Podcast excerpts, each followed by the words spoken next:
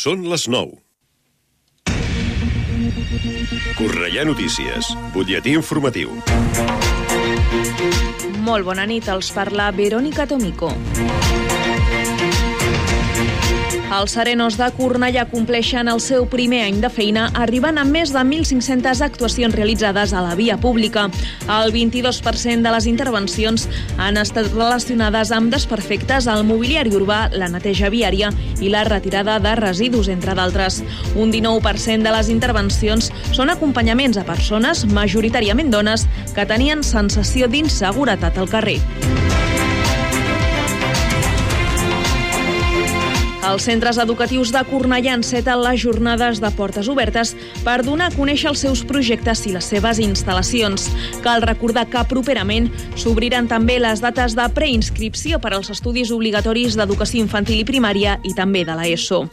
Al web del cornellà.cat es poden trobar els cartells amb les dates de les jornades de portes obertes dels centres educatius del municipi. La mascareta ha deixat de ser obligatòria al transport públic des d'avui, tal i com ha aprovat el Consell de Ministres. També deixa de ser obligatòria en òptiques, centres auditius i ortopèdies, on fins ara calia portar-la continuarà sent obligatòria, però en centres i serveis sanitaris i així també com a les farmàcies. També hauran de dur la mascareta els treballadors i les treballadores de residències de la tercera edat i de centres sociosanitaris que quan estiguin en contacte amb els residents i els visitants que estiguin en zones compartides. I l'Auditori de Cornellà presenta diumenge l'obra de teatre El sonido oculto amb Toni Acosta i Omar Ayuso. La cita serà a les 7 del vespre i encara queden entrades disponibles per gaudir d'aquest espectacle. Fins aquí aquest butlletí informatiu. Poden seguir informats de l'actualitat de la nostra ciutat al Cornellà Notícies de la una del migdia, als butlletins horaris i a l'app i la web de Ràdio Cornellà. També trobaran les darreres actualitzacions i notícies al radiocornellà.cat i a les xarxes socials de la ràdio, Twitter, Facebook i Instagram. Ara el temps. Connectem amb l'Agència Estatal de Meteorologia. Bona nit. Demà dijous esperem una jornada a Catalunya amb descensos a les temperatures, amb gelades a primeres hores a l'interior i a zones del Pirineu allà localment fortes, amb unes mínimes en general de 0 graus a Girona, d'un grau positiu serà la mínima a Lleida, de 5 a Tarragona i de 9 a Barcelona, mentre que les temperatures màximes demà també baixaran lleugerament, amb màximes que es quedaran sobre els 11 graus a Girona i a Lleida, sobre els 14 a Tarragona i sobre els 12 a Barcelona. Per la resta esperem un dia de cels de nuvolats disminuint a últimes hores, a intervals nuvolats, però s'esperen precipitacions febles i disperses durant la jornada, sobretot al Pirineu i també a zones del nord-est, però no es descarten més febles i disperses a la resta del territori, amb la cota de neu que estarà sobre uns 400 o 600 metres. Per últim, se'n referim al vent. Al litoral el vent serà de l'est i del nord-est, de fluix ja moderat durant el matí, quedant ja en general fluix durant la tarda, mentre que la resta el vent serà fluix i de direcció variable. És una informació de l'Agència Estatal de Meteorologia. L'informació de Cornellà. Més a prop, impossible. Ràdio Cornellà, 104.6 FM.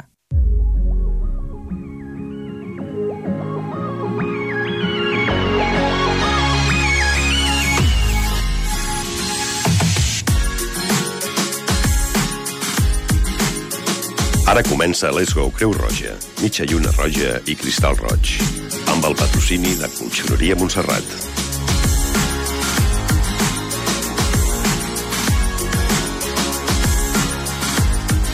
Miércoles 8 de febrero de 2023. Bona nit, Nora Bacari. Bona nit. Bona nit, Marc Fort. Joan Garcia al micròfon també, aquí al locutori. I companys que estaran també amb nosaltres. Mayalem Prieto, després ens parlarà també de, la, de com defendre la sanitat pública. Avui farem un, un breu flash del terremoto, del terratrèmol de Turquia i de la situació tan desesperada que estan portant a terme moltes, moltes famílies després d'haver-se enfonsat als edificis, la gran, gran part dels edificis de les ciutats que han estat sota el, el terratrèmol de Turquia i Síria. Eh, Parlarem de que el món no està preparat per la propera pandèmia, això és una alerta que ens fa Creu Roja perquè hem d'aprendre d'allò que ha passat i per tant haurem de prendre nota també de tot allò que hem de fer en el futur perquè eh, Creu Roja pensa que eh, no podem descartar una nova pandèmia o un altre desastre, com el que ha passat, per exemple, a Turquia.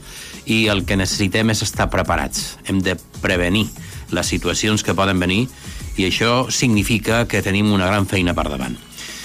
Uh, defendre la sanitat pública és el que també farem i parlarem en el programa d'avui, en contra, no en contra, sinó, diguem, com a prioritat principal de la sanitat privada. La sanitat privada com a complement està molt bé, però la sanitat pública és, uh, és un regal i és un dret. És el dret a la salut i haurem de tenir en compte de que tothom ha de tenir accés a aquest dret. Això ens parlarà Mayalén Prieto. Consells per aliviar i evitar el, el dolor lumbar que ja vam tocar la setmana passada, si recordeu. I després les endivinalles d'Olga Giorgi, que avui també tindrem la nostra, parlarem de la divinalla de la setmana passada, després entrarem amb la endivinalla de la setmana següent o d'aquesta que hem de, de solucionar aquesta setmana. Y en el Hoy viajamos, las adivinanzas geográficas por parte de Mayalén Prieto, en la cual eh, recordaremos la de la semana anterior y también propondremos un nuevo interrogante para ese punto geográfico que nos propone nuestra compañera del equipo de la Hora de Cruz Roja.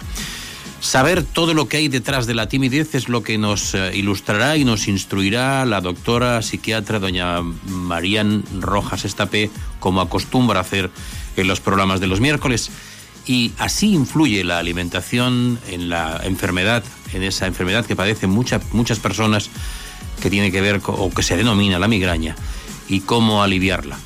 Eso será prácticamente el recorrido final del programa con la despedida y los saludos y los abrazos hasta el próximo miércoles. Ese ha sido el resumen de los titulares y estos son nuestros grandes consejos. No t'imagines com de valuós pot ser un gest a la teva empresa. Un somriure que motiva, un senyal d'aprovació que orienta, una compressió al pit que ajuda a recuperar una parada cardiorrespiratòria. Ensenya al teu equip els gestos més valuosos. Informa't i contracta els cursos de primers auxilis per a empreses a Cruz Roja Punès o al 902 22 22 92. Aprèn a salvar vides. Como sabéis, el, lunes pasado, el día 6, tuvimos el desastre, el conocimiento sobre el desastre ocurrido, acaecido en el, el, terremoto en Turquía, en la parte sudeste de Turquía y de Siria. La cifra de muertos por la sucesión de terremotos registrados en esos dos países se sitúa ya hoy en 11.500 muertos y 53.600 heridos. Y todavía no hemos dado la cifra final. Son datos facilitados por las autoridades de ambos países y de los casos blancos que atienden en las zonas opositorias serias. Y si bien se teme que la cifra pueda aumentar en las próximas horas todavía más, debido a que miles de personas han resultado heridas y que muchas siguen todavía aún atrapadas en los escombros. La Autoridad de Gestión de Desastres y Emergencias, AFAD, calcula que más de 2.800 edificios han quedado completamente destruidos, principalmente como consecuencia del terremoto de los 7,4 y 7,6 y algunas noticias y algunos medios de comunicación dicen de los 7,7 eh, de magnitud 7,7 en la escala Richter. El Centro Sismológico Europeo del Mediterráneo detectó un seísmo después, un día después, es decir, el martes, de 5,7 eh, en Turquía durante la mañana de ese martes. Fue una réplica, una sucesión de los terremotos que el lunes habían azotado el país y que, como decíamos anteriormente, ya hoy tenemos una cifra de 11.500 muertes. El seísmo se produjo a una profundidad de 46 kilómetros al centro y las tareas de rescate avanzan con lentitud debido al frío, la lluvia y todas las eh, complicaciones meteorológicas que no siempre eh, o que siempre, mejor dicho, acompañan a estas situaciones para empeorarlas, para complicarlo. ¿eh? Necesitamos ayuda urgente, afirmó en Twitter el jefe de equipos de voluntarios Casos Blancos, y, y tenemos ya abiertas por parte de Cruz Roja, como es habitual, todas las entidades bancarias de Santander, BBVA, CaixaBank, Sabadell, Bankinter y Cajas Rurales, así como el donativo Bizum al código 33512 o incluso el, el teléfono 900 1049 71 para las ayudas a las zonas afectadas.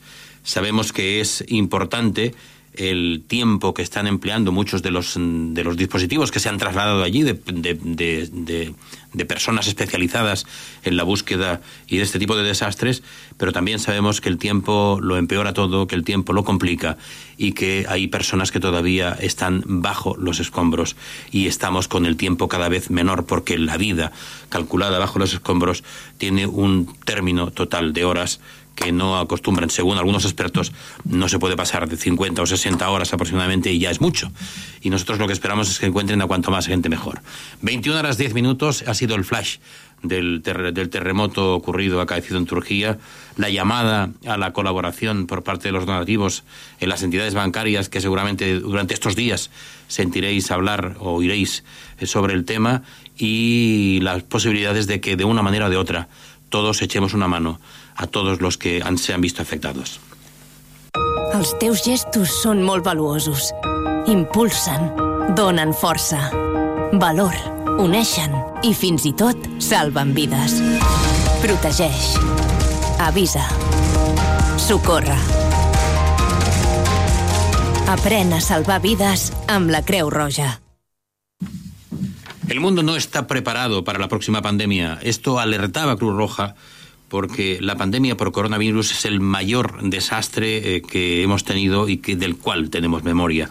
Se ha confirmado la muerte de más de 6 millones y medio de personas, en concreto 6.566.000, y todo ha sido en menos de tres años, o de una persona por cada mil, según las estimaciones más moderadas de la OMS.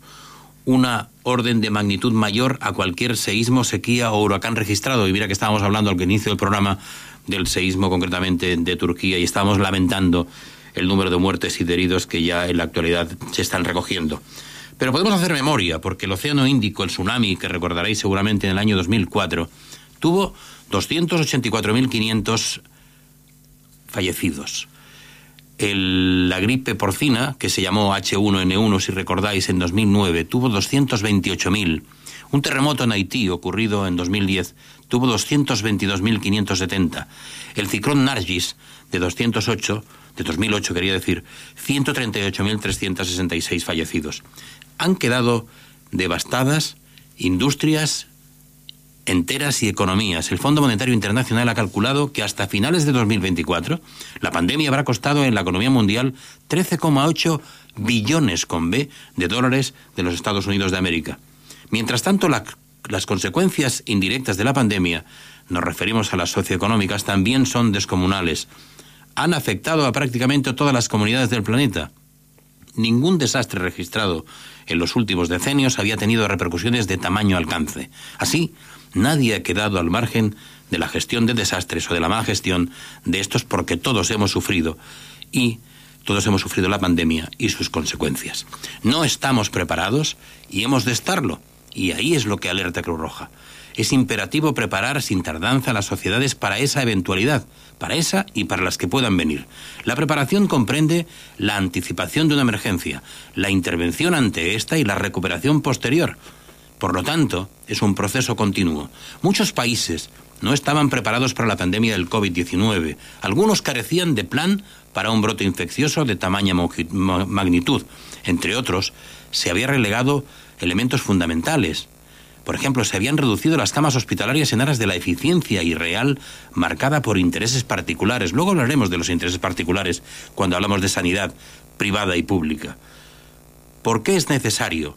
La sanidad pública nos lo contará nuestra compañera Mayalén Prieto. Pero ahora hablamos concretamente de lo que ocurre y que lo que alerta Cruz Roja es que el mundo no está preparado para la próxima pandemia.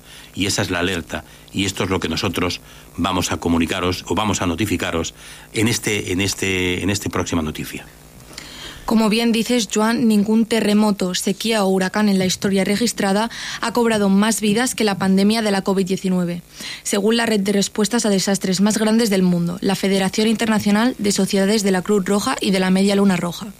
El impactante número de muertos, estimado en más de 6,5 millones de personas, ha inspirado a la organización humanitaria a profundizar en cómo los países pueden prepararse para la próxima emergencia sanitaria mundial. Dos informes innovadores publicados por la red de la Federación Internacional, el Informe Mundial sobre Desastres y el informe Todos Cuentan, ofrece información sobre los éxitos y desafíos en los últimos tres años y hace recomendaciones sobre cómo líderes o cómo los líderes pueden mitigar tragedias de esa magnitud en el futuro. Tony Bruel, coordinador de Cruz Roja Española, ha señalado que el aprendizaje más valioso que les ha dejado superar esta situación es que se pueden hacer muchas cosas más de las que pensamos que somos capaces, que ayudan a los demás de manera sencilla y estando presentes en todas partes.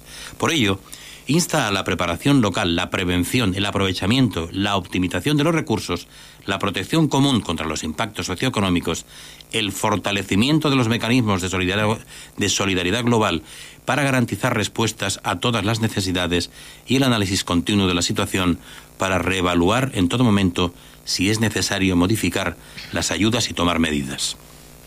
Por su parte, Jagan Kapagain, secretario general de la FICR, comenta que la pandemia de la COVID-19 debería ser una llamada de atención para que la comunidad mundial se prepare ahora para la próxima crisis de salud. Nuestras recomendaciones a los líderes mundiales se centran en generar confianza, abordar la desigualdad y aprovechar en los actores y comunidades locales para realizar un trabajo que salve vidas. La próxima pandemia podría estar a la vuelta de la esquina. Si la experiencia de COVID-19 no es capaz de encaminar nuestros pasos hacia la preparación, ¿qué lo hará? Cruz Roja Española, a través del plan Cruz Roja Responde, ha ayudado a 5.425.000 personas a hacer frente a la pandemia del COVID-19 y más ampliamente. La red de la Federación Internacional llegó a más de 1.100 millones de personas en los últimos tres años para ayudarlas a mantenerse a salvo del virus. Durante ese tiempo, un tema que fue reiterativo fue la importancia de la confianza. Cuando las personas confiaban en los mensajes de seguridad, estaban dispuestas a cumplir con las medidas de salud pública que a veces los separaban de sus seres queridos para frenar la propagación de la enfermedad y salvar vidas. Del mismo modo, solo fue posible vacunar a millones de personas en un tiempo récord cuando la mayoría confiaba en que las vacunas eran seguras y eficaces. Quienes responden a la crisis no pueden esperar hasta la próxima vez para generar confianza. Debe cultivarse a través de una comunicación genuinamente bidireccional, proximidad y apoyo constante a lo largo del tiempo. En el curso de su trabajo, los equipos de la Cruz Roja y la Media Luna Roja documentaron cómo la pandemia de la COVID-19 prosperó y exacerbó las desigualdades. El saneamiento deficiente, el hacinamiento, la falta de acceso a los servicios sociales y de salud y la desnutrición crean las condiciones para que las enfermedades se propaguen más rápido y más lejos.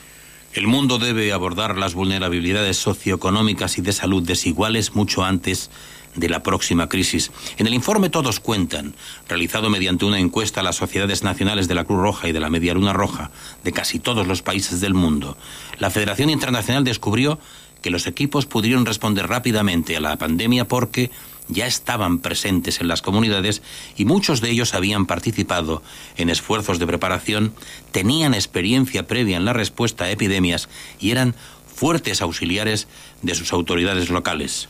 Es imperativo preparar sin tardanza las sociedades para esa eventualidad. La preparación comprende la anticipación de una emergencia, la intervención ante esta y la recuperación posterior. En otras palabras, la preparación es un proceso continuo. Muchos países no estaban preparados para la pandemia del COVID-19. Algunos carecían de plan para un brote infeccioso de, de tamaña magnitud. En otros se habían relegado elementos fundamentales. Por ejemplo, se habían reducido las camas hospitalarias en áreas de eficiencia y real marcadas por intereses particulares. Los sistemas sanitarios habían sido incapaces de hacer frente al auge de pacientes de COVID-19, entre otros. Los países que mejor combatieron la propagación del COVID-19 se habían dotado de sistemas de salud y de planes de ayuda social resilientes y habían extraído enseñanzas de brotes de coronavirus anteriores, como el síndrome respiratorio agudo severo en el año 2003. Aunque también tuvieron que adaptarse y que lidiar con aspectos difíciles de la pandemia, al menos esos países contaban con herramientas creadas por un interés en estar preparados. El informe mundial sobre desastres ofrece seis acciones esenciales para prepararse de manera más efectiva para futuras emergencias de salud pública. El informe Todos Cuentan destaca la necesidad de datos precisos y relevantes en la preparación y respuesta ante una pandemia. Fortalecimiento de la prevención y la preparación a nivel local. Esto es algo importantísimo. La prevención.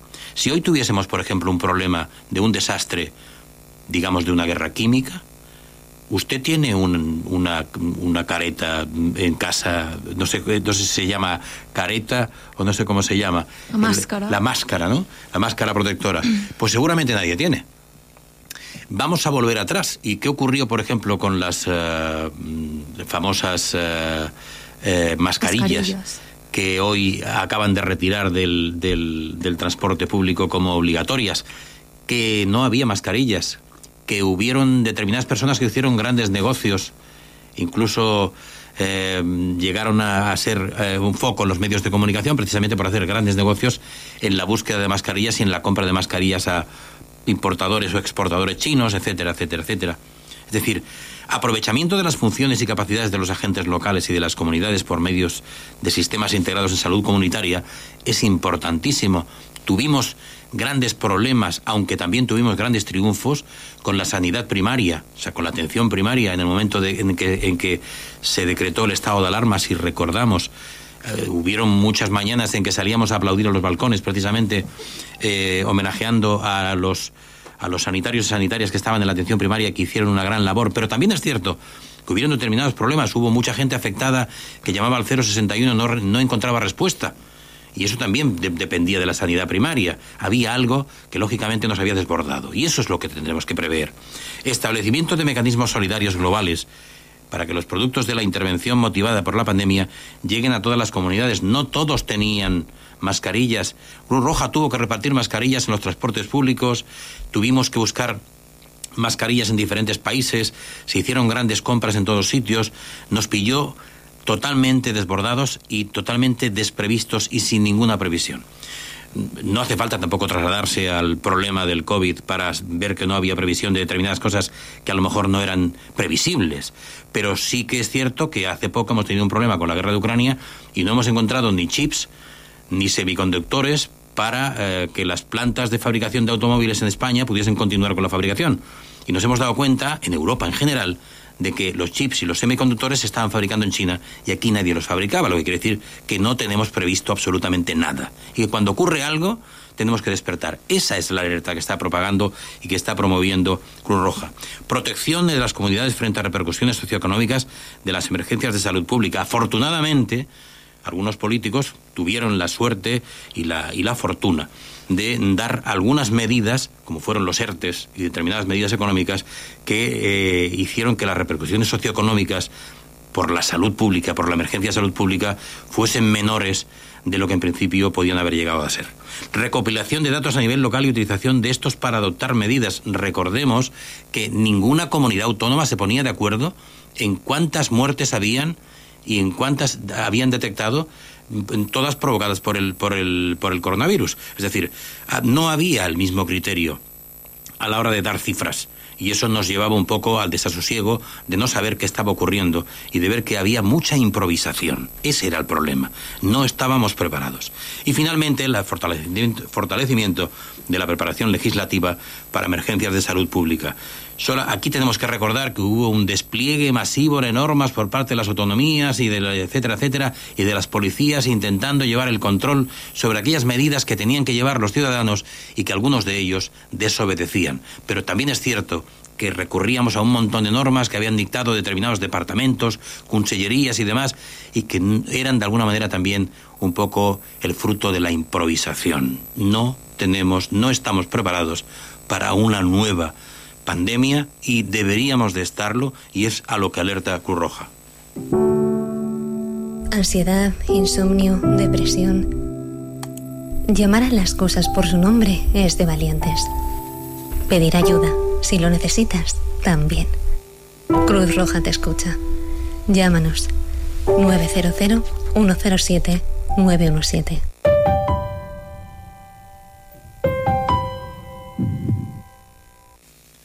Defender el mantener la sanidad pública, garantizar el acceso al derecho a la salud, es una de las cuestiones que hemos planteado al inicio del programa y que se plantean día a día, sobre todo cuando hablamos de determinadas comunidades autónomas en las cuales tienen una tendencia a hacer políticas que favorecen a las entidades privadas de sanidad en contra o en perjuicio de las públicas.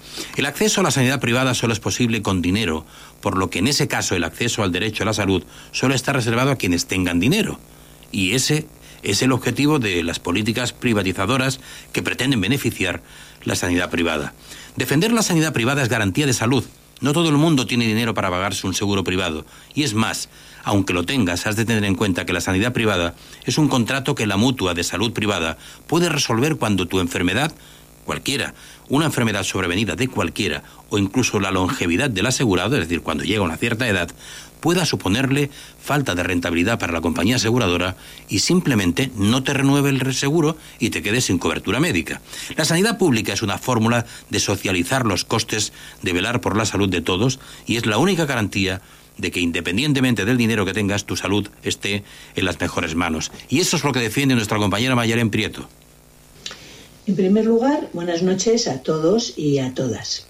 Hoy en esta emisión vamos a hablar sobre por qué es tan necesario defender la sanidad pública. En primer lugar, eh, nos vamos a remitir a nuestra legislación. El derecho a la protección de la salud se reconoce en el artículo 43 de la Constitución y se concreta en la Ley General de Sanidad, Ley 14 de 1986, que establece su financiación pública, universalidad y gratuidad, su descentralización autonómica y su integración en el Sistema Nacional de Salud. En definitiva, todas las personas tienen derecho a una atención sanitaria de calidad en condiciones de igualdad. La sanidad pública es un servicio fundamental para la población ya que garantiza el acceso a todas las personas sin ningún tipo de distinción a prestaciones sanitarias de calidad. Se trata de dar a toda la población servicios sanitarios en función de sus necesidades específicas en un momento determinado. Debemos decir que los impuestos son la base de la financiación de la sanidad pública, el IVA, el IRPF, entre otros. La sanidad pública se trata de una base de justicia social como garantía de la convivencia, de la salud, eh, la sostenibilidad y el desarrollo social y económico. Es importante mencionar que la salud es un bien de inversión, tanto para la persona individual como para la sociedad en general. El tiempo que se rescata a la enfermedad se destina al incremento de la producción y de la renta nacional. Es por esto que la defensa de la atención primaria es primordial y de esto hablaremos. Vamos a analizar una serie de razones por las cuales hemos de defender la sanidad pública. En principio, los países que disfrutan de una sanidad, de una sanidad pública potente tienen cobertura universal. ¿Y qué significa esto de cobertura universal? Pues esto significa que todas las personas pueden acceder a los servicios de salud que necesitan y que sean servicios de la debida calidad, sin tener que pasar penurias financieras para poder pagarlos. Por otro lado, eh, la falta de atención médica no solo es injusta, sino que también es un desperdicio del potencial humano y del capital humano de un país. En cuestión de salud pública, todos salimos ganando cuando todos tenemos acceso sin barreras a la sanidad. En Grecia, por poner un ejemplo, con un importante desmantelamiento de su sanidad pública en un momento determinado, los casos de VHI, es decir, de la enfermedad del SIDA, y la tuberculosis, que se puede decir que estaba un tanto erradicada, se han ido multiplicando considerablemente en los últimos años. Debemos decir que la atención primaria es el primer contacto con el sistema sanitario y tiene una probada capacidad para hacer que el conjunto del sistema sanitario proporcione una atención más satisfactoria, de calidad, segura y cercana. La atención primaria es el conjunto de actividades sanitarias dirigidas principalmente a la población general. Están encaminadas a evitar el inicio o la aparición de una dolencia. Su objetivo primordial es disminuir la incidencia de la enfermedad. Una atención primaria con recursos, bien cualificada, bien organizada, puede frenar la curva de contagios en una pandemia, facilitando confinamientos menos restrictivos que, paulatinamente, nos permitan volver a una normalidad social, laboral y económica y disfrutar eh, de la vida en, en salud. Asimismo, independientemente del nivel socioeconómico, la sanidad pública garantiza un acceso igualitario a la atención sanitaria. Con la sanidad privada, este acceso depende del tipo de cobertura médica en función del dinero que se aporte. Y, depende también de los antecedentes médicos de la persona. Por ejemplo, si por cuestión del azar una persona nace con una enfermedad hereditaria o posee antecedentes familiares de enfermedades importantes, puede verse en la situación de que una aseguradora privada se niegue a cubrir el tratamiento de dichas enfermedades o tengan que pagar una fortuna por ello. La sanidad privada no se basa en los principios de solidaridad y altruismo, sino se basa en el principio de la rentabilidad. El sector sanitario privado debe de ser simplemente un colaborador necesario para que la oferta del sistema pueda llegar a todos los ciudadanos, pero se debe considerar como un colaborador. Determinados tratamientos médicos, como por ejemplo los trasplantes, son beneficiosos para la salud de la persona, pero son tan increíblemente caros y complejos que no resultarían rentables ofrecerlos a través de una sanidad privada, salvo con pagos prohibitivos que no serían posibles para la gran mayoría de los pacientes. En España existen multitud de tratamientos médicos que no están disponibles en la sanidad privada por razones anteriores y, en estos casos, se suele recurrir a la derivación de los pacientes a la sanidad pública. De hecho, las investigaciones de tratamientos médicos en sus etapas más tempranas, cuando aún no son interesantes para empresas privadas como farmacéuticas, que tienen lugar en hospitales públicos o institutos de investigación asociados a hospitales, difícilmente podrían desarrollarse en instituciones privadas debido a las pocas probabilidades iniciales de retorno económico.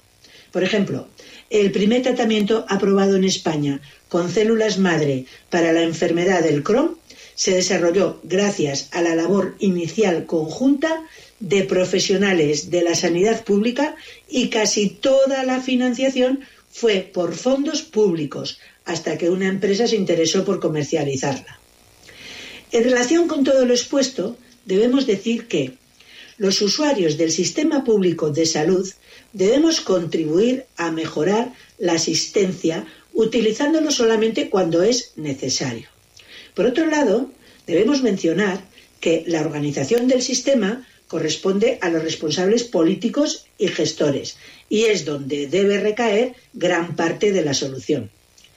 Se debe potenciar y debemos defender una política de recursos humanos que garantice plantillas adecuadas con contratos dignos y que acabe con la precariedad que permita disponer a los profesionales del tiempo necesario para realizar todas las actividades asistenciales, comunitarias y atención domiciliaria.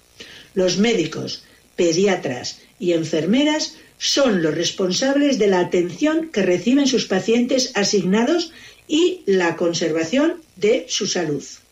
Es muy importante disponer de unas infraestructuras adecuadas para garantizar la seguridad, higiene y salubridad tanto a los trabajadores sanitarios como a los usuarios. Un sistema sanitario público debe ser universal, equitativo y de calidad, que priorice la salud de la población. Por esto, es muy importante defender la sanidad pública.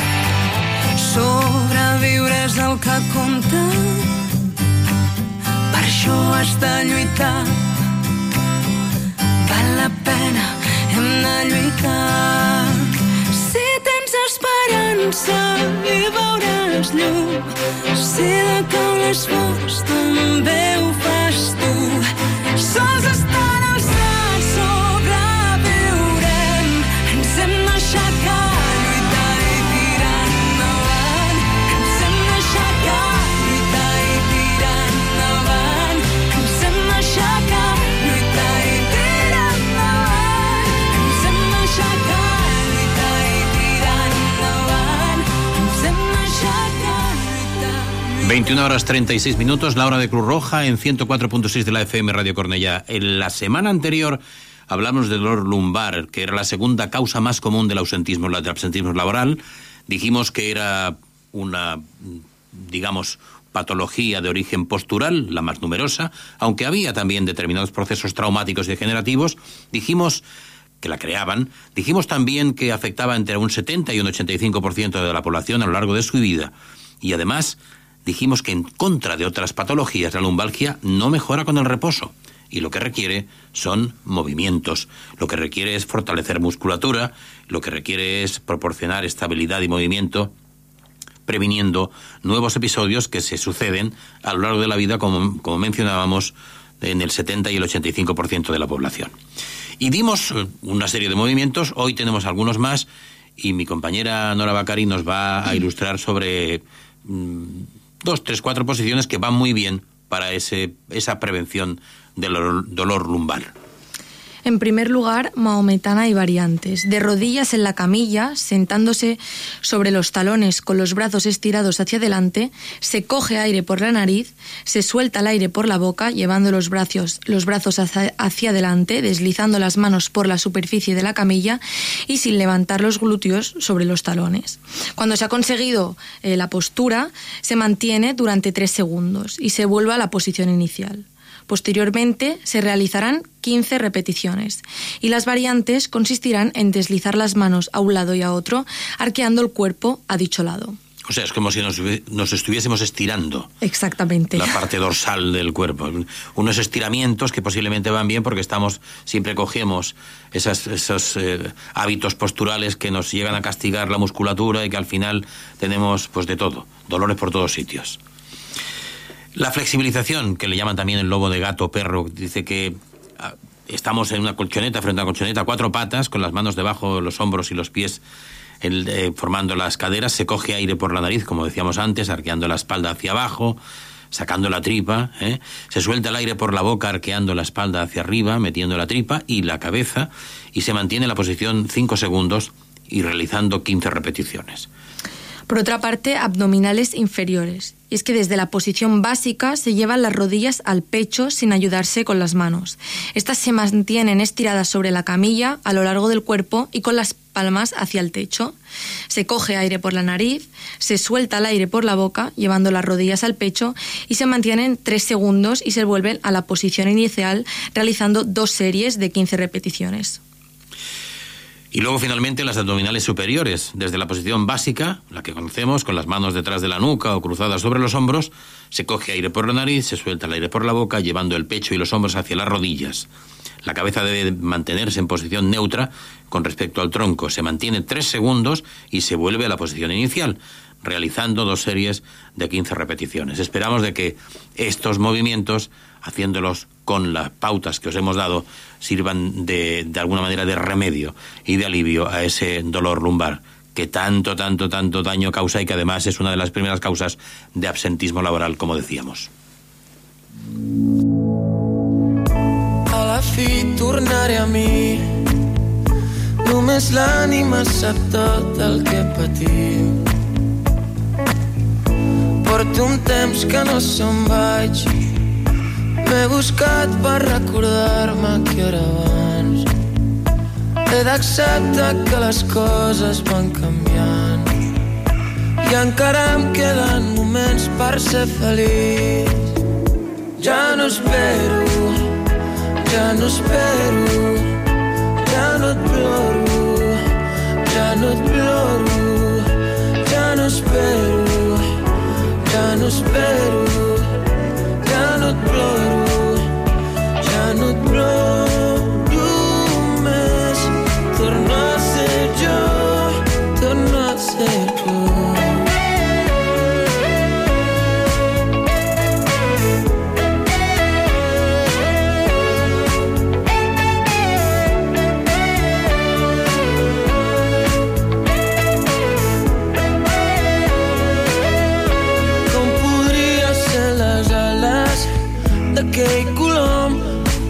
que em despisqueix no puc ser el que no sóc tampoc puc ser la calor d'aquell vell mes d'agost. No havíem sortit del niu no coneixem les pors que sóc la vida posa. L'eterna joventut i em sap molt greu però avui ja no ho puc fer millor. Només puc ser com sóc i anar aprenent de tot burning the door. Ya no espero, ya no espero, ya no et ploro, ya no et ploro, ya no espero, ya no espero.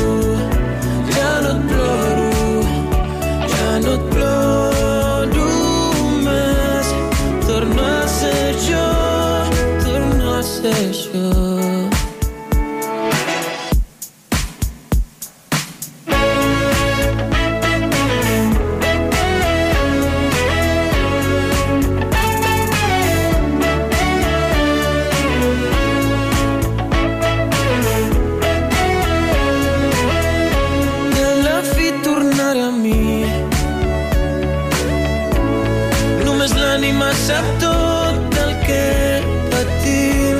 Hem plorat fins als vessals que ara ens diuen les veritats.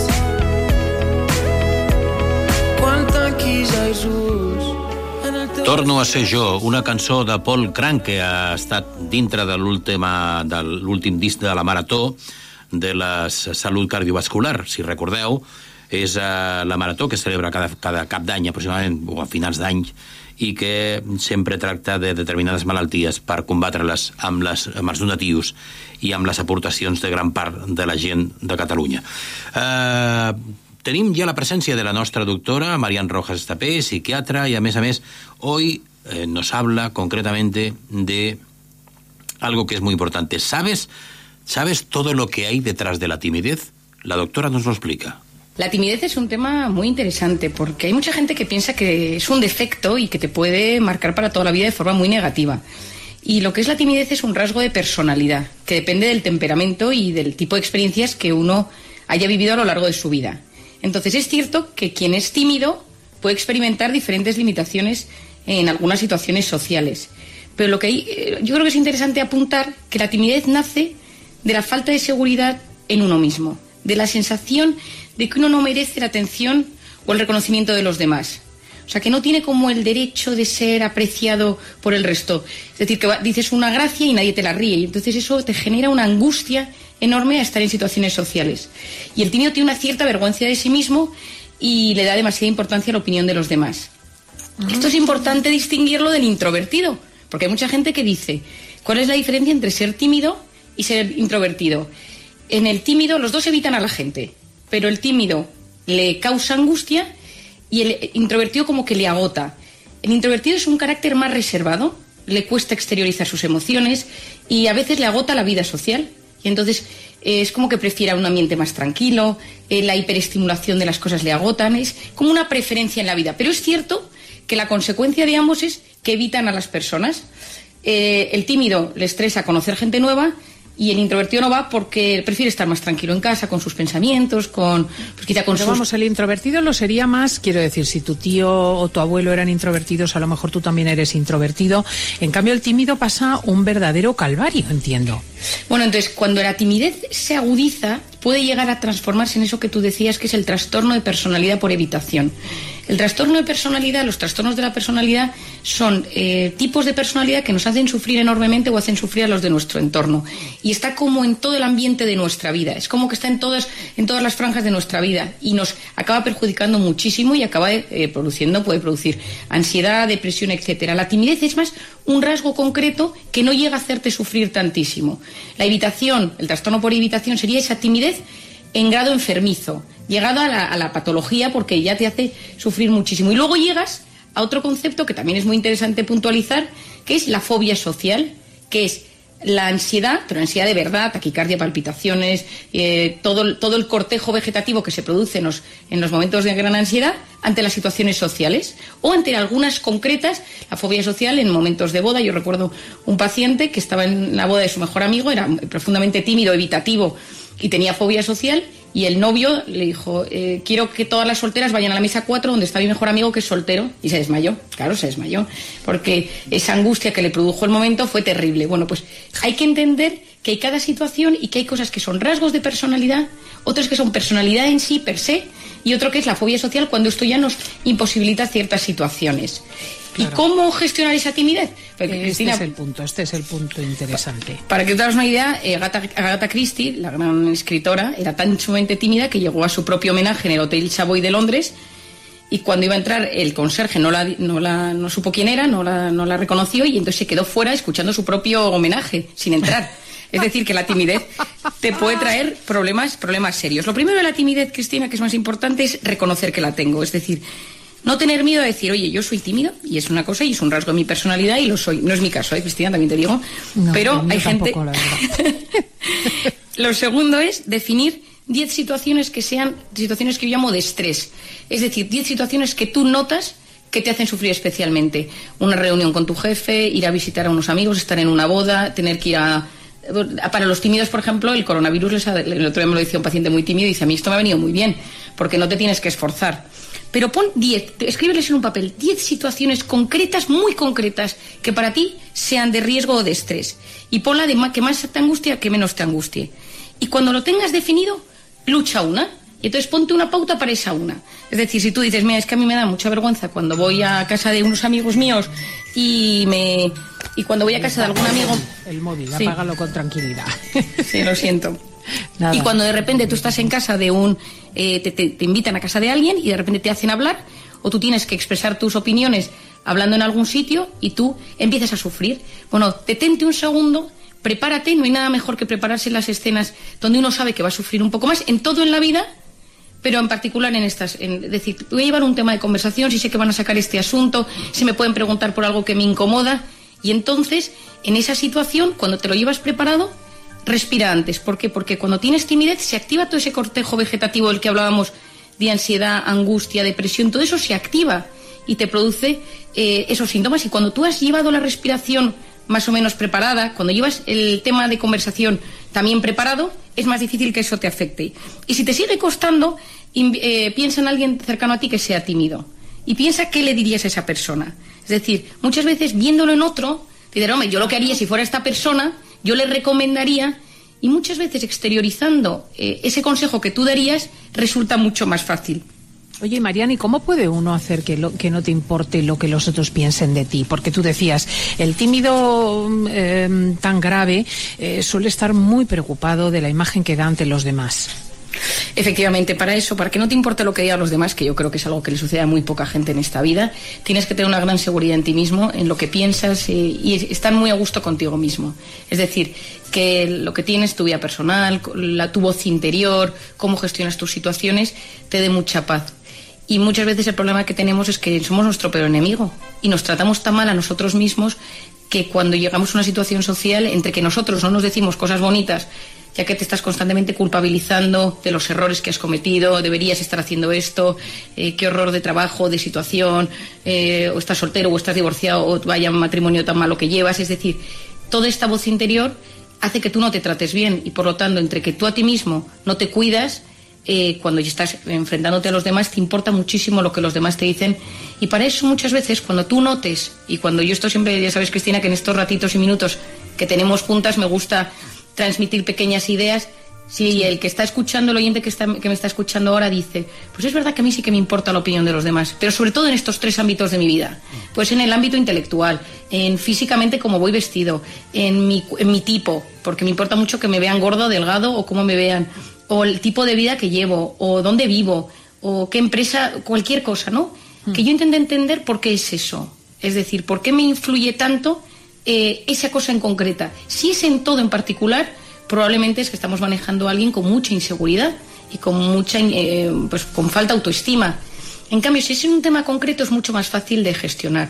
Porque Pero es que a veces estas cuestiones de análisis freudiano tampoco te llevan a ningún lado. Imaginemos una persona, por ejemplo, que es extraordinariamente tímida eh, porque tiene, pues yo que sé, un bajo concepto intelectual de sí misma, porque su hermano era muy buen estudiante y él era muy mal estudiante. ¿Qué, qué- de qué le sirve llegar a esa conclusión? Bueno, es que comprender es aliviar, Cristina, esto siempre te lo digo. Y entonces, cuando uno comprende de dónde le vienen las cosas, siente un cierto alivio. Y si tú sabes que la timidez que traes eh, o la baja autoestima que traes es que en tu familia todos han sido siempre súper exitosos y tú has sido el más fracasado, sabes cuál es la realidad.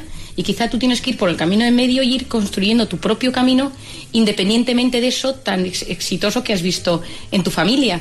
Y decidir eh, cambiar, porque si no, eh, d- volvemos a esa voz interior. Desde tu infancia, lo que tú te has ido diciendo es, eres peor que los demás.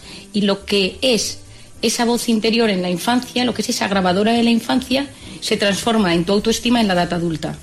Esa manera en la que te han hablado o tú te has hablado desde que eras pequeño, se acaba con- convirtiendo en cómo tú te tratarás a ti mismo, incluso cómo elegirás pareja.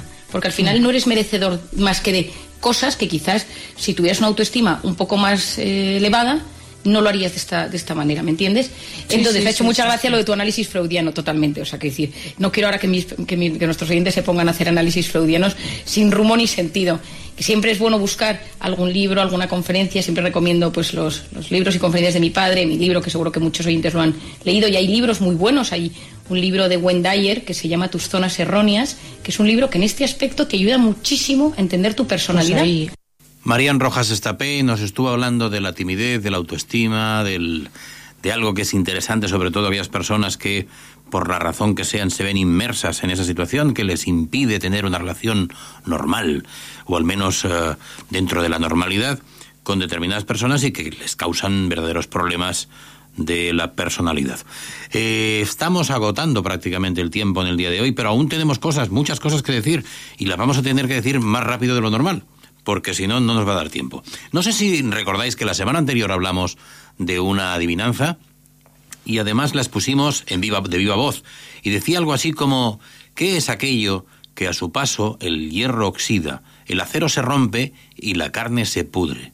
¿Qué es aquello que a su paso el hierro oxida, el acero se rompe y la carne se pudre? Efectivamente, la solución era el tiempo. Esa era la solución de la adivinanza y esa era la solución que nos teníais, o nos di- algunos de los, de los eh, oyentes nos dieron al 666 88 88 21 y que por supuesto tendrán su merecido premio. Y ahora vamos con la adivinanza de la semana próxima. Olga Giorgi nos eh, instruye al, al- al respecto. El centro de operaciones de todo nuestro organismo se encuentra encima del mismo, haciendo comprobación. El centro de operaciones de nuestro organismo se encuentra encima del mismo haciendo comprobaciones. He intentado memorizarla rápido, creo que no me he dejado nada. Y esa es la solución, la que nos tenéis que dar para la semana próxima al 666 88 88 21. 666 88 88 21, solución de la adivinanza de Olga Giorgi. Y hoy viajamos, es otro apartado, dentro de la, sección de divertimento que tenemos en el programa, y eh, la semana pasada eh, hablábamos de, nos decía nuestra compañera Mayalén, eh, nos daba pistas sobre este punto geográfico. Vamos a por la adivinanza de geografía. Pero hoy vamos a dar una gran pista, basándonos en los primeros versos de una de las obras más universales del poeta Miguel Hernández, que dice, andaluces de aceituneros Andaluces de aceituneros altivos, ¿de dónde han de ser los andaluces de? Jaén, efectivamente, de Jaén. Esa era la respuesta. Andaluces de Jaén, la respuesta que nos tuvisteis que dar al 666 88 88 21, donde siempre el punto geográfico. Y este es, digamos, el enigma para la semana próxima, al que también tenéis que contestar o dar la solución al 666 88 88 21. Hoy viajamos con Mayalén Prieto a este punto. Ahora vamos a la adivinanza semanal sobre geografía. Este municipio se encuentra en la comunidad de Castilla-La Mancha y está englobado en la comarca de La Manchuela. Fue declarado conjunto histórico-artístico en 1982. En 1986 le fue concedido el tercer premio después de la Torre Eiffel y la Gran Mezquita de Estambul a la mejor iluminación artística. Su situación y el excepcional paisaje que forman la hoz del Júcar hacen que, en cuanto aparece ante nuestros ojos, sintamos la necesidad de detener la marcha para poderlo contemplar en toda su grandiosidad. Se sabe que hacia el siglo XI fue fortaleza musulmana y que formaba parte de la línea defensiva que los árabes construyeron en las riberas del río para contener la creciente presión de los reyes cristianos. El castillo, el puente romano, su plaza de toros, la preciosa ermita de San Lorenzo y la iglesia de San Andrés son sus grandes construcciones monumentales. Una vez acertada la adivinanza, podéis añadir más características de este precioso municipio. A ver, manchegos, o aquellas personas que conozcáis este municipio con tanto encanto. Esperamos vuestra llamada. 666 88 88 21, recordar ahí la solución a través de un audio, por ejemplo, al WhatsApp y tener presente que eh, habla de La Mancha, eh, habla de las hoces del Júcar y os hará una serie de detalles que tenéis que encontrar cuál es el punto geográfico enigmático que hoy nos, nos aportaba nuestra compañera Mayalen Prieto.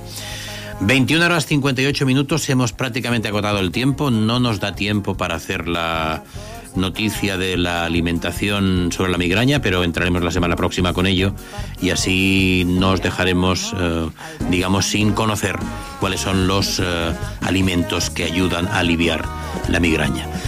Como decíamos, estábamos en los tiempos en el punto y final Gracias a todos eh, vosotros, a todos ustedes por haber estado escuchando el 104.6 de la FM en este programa de la hora de Cruz Roja, como siempre, como cada miércoles. Nos vemos la semana que viene. Gracias, Nora Bacari. Gracias, Marford. Gracias a todos. Un abrazo. Juan García.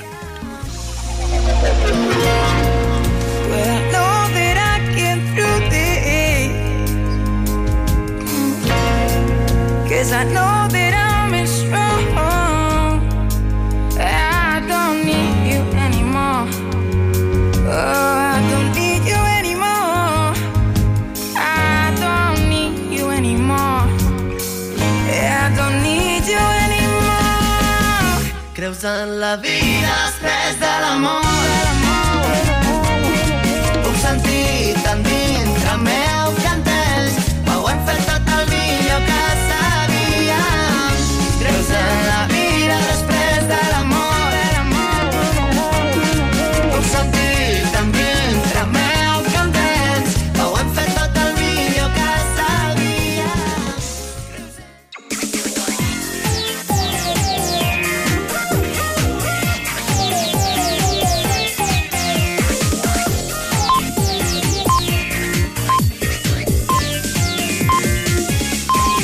Són les 10.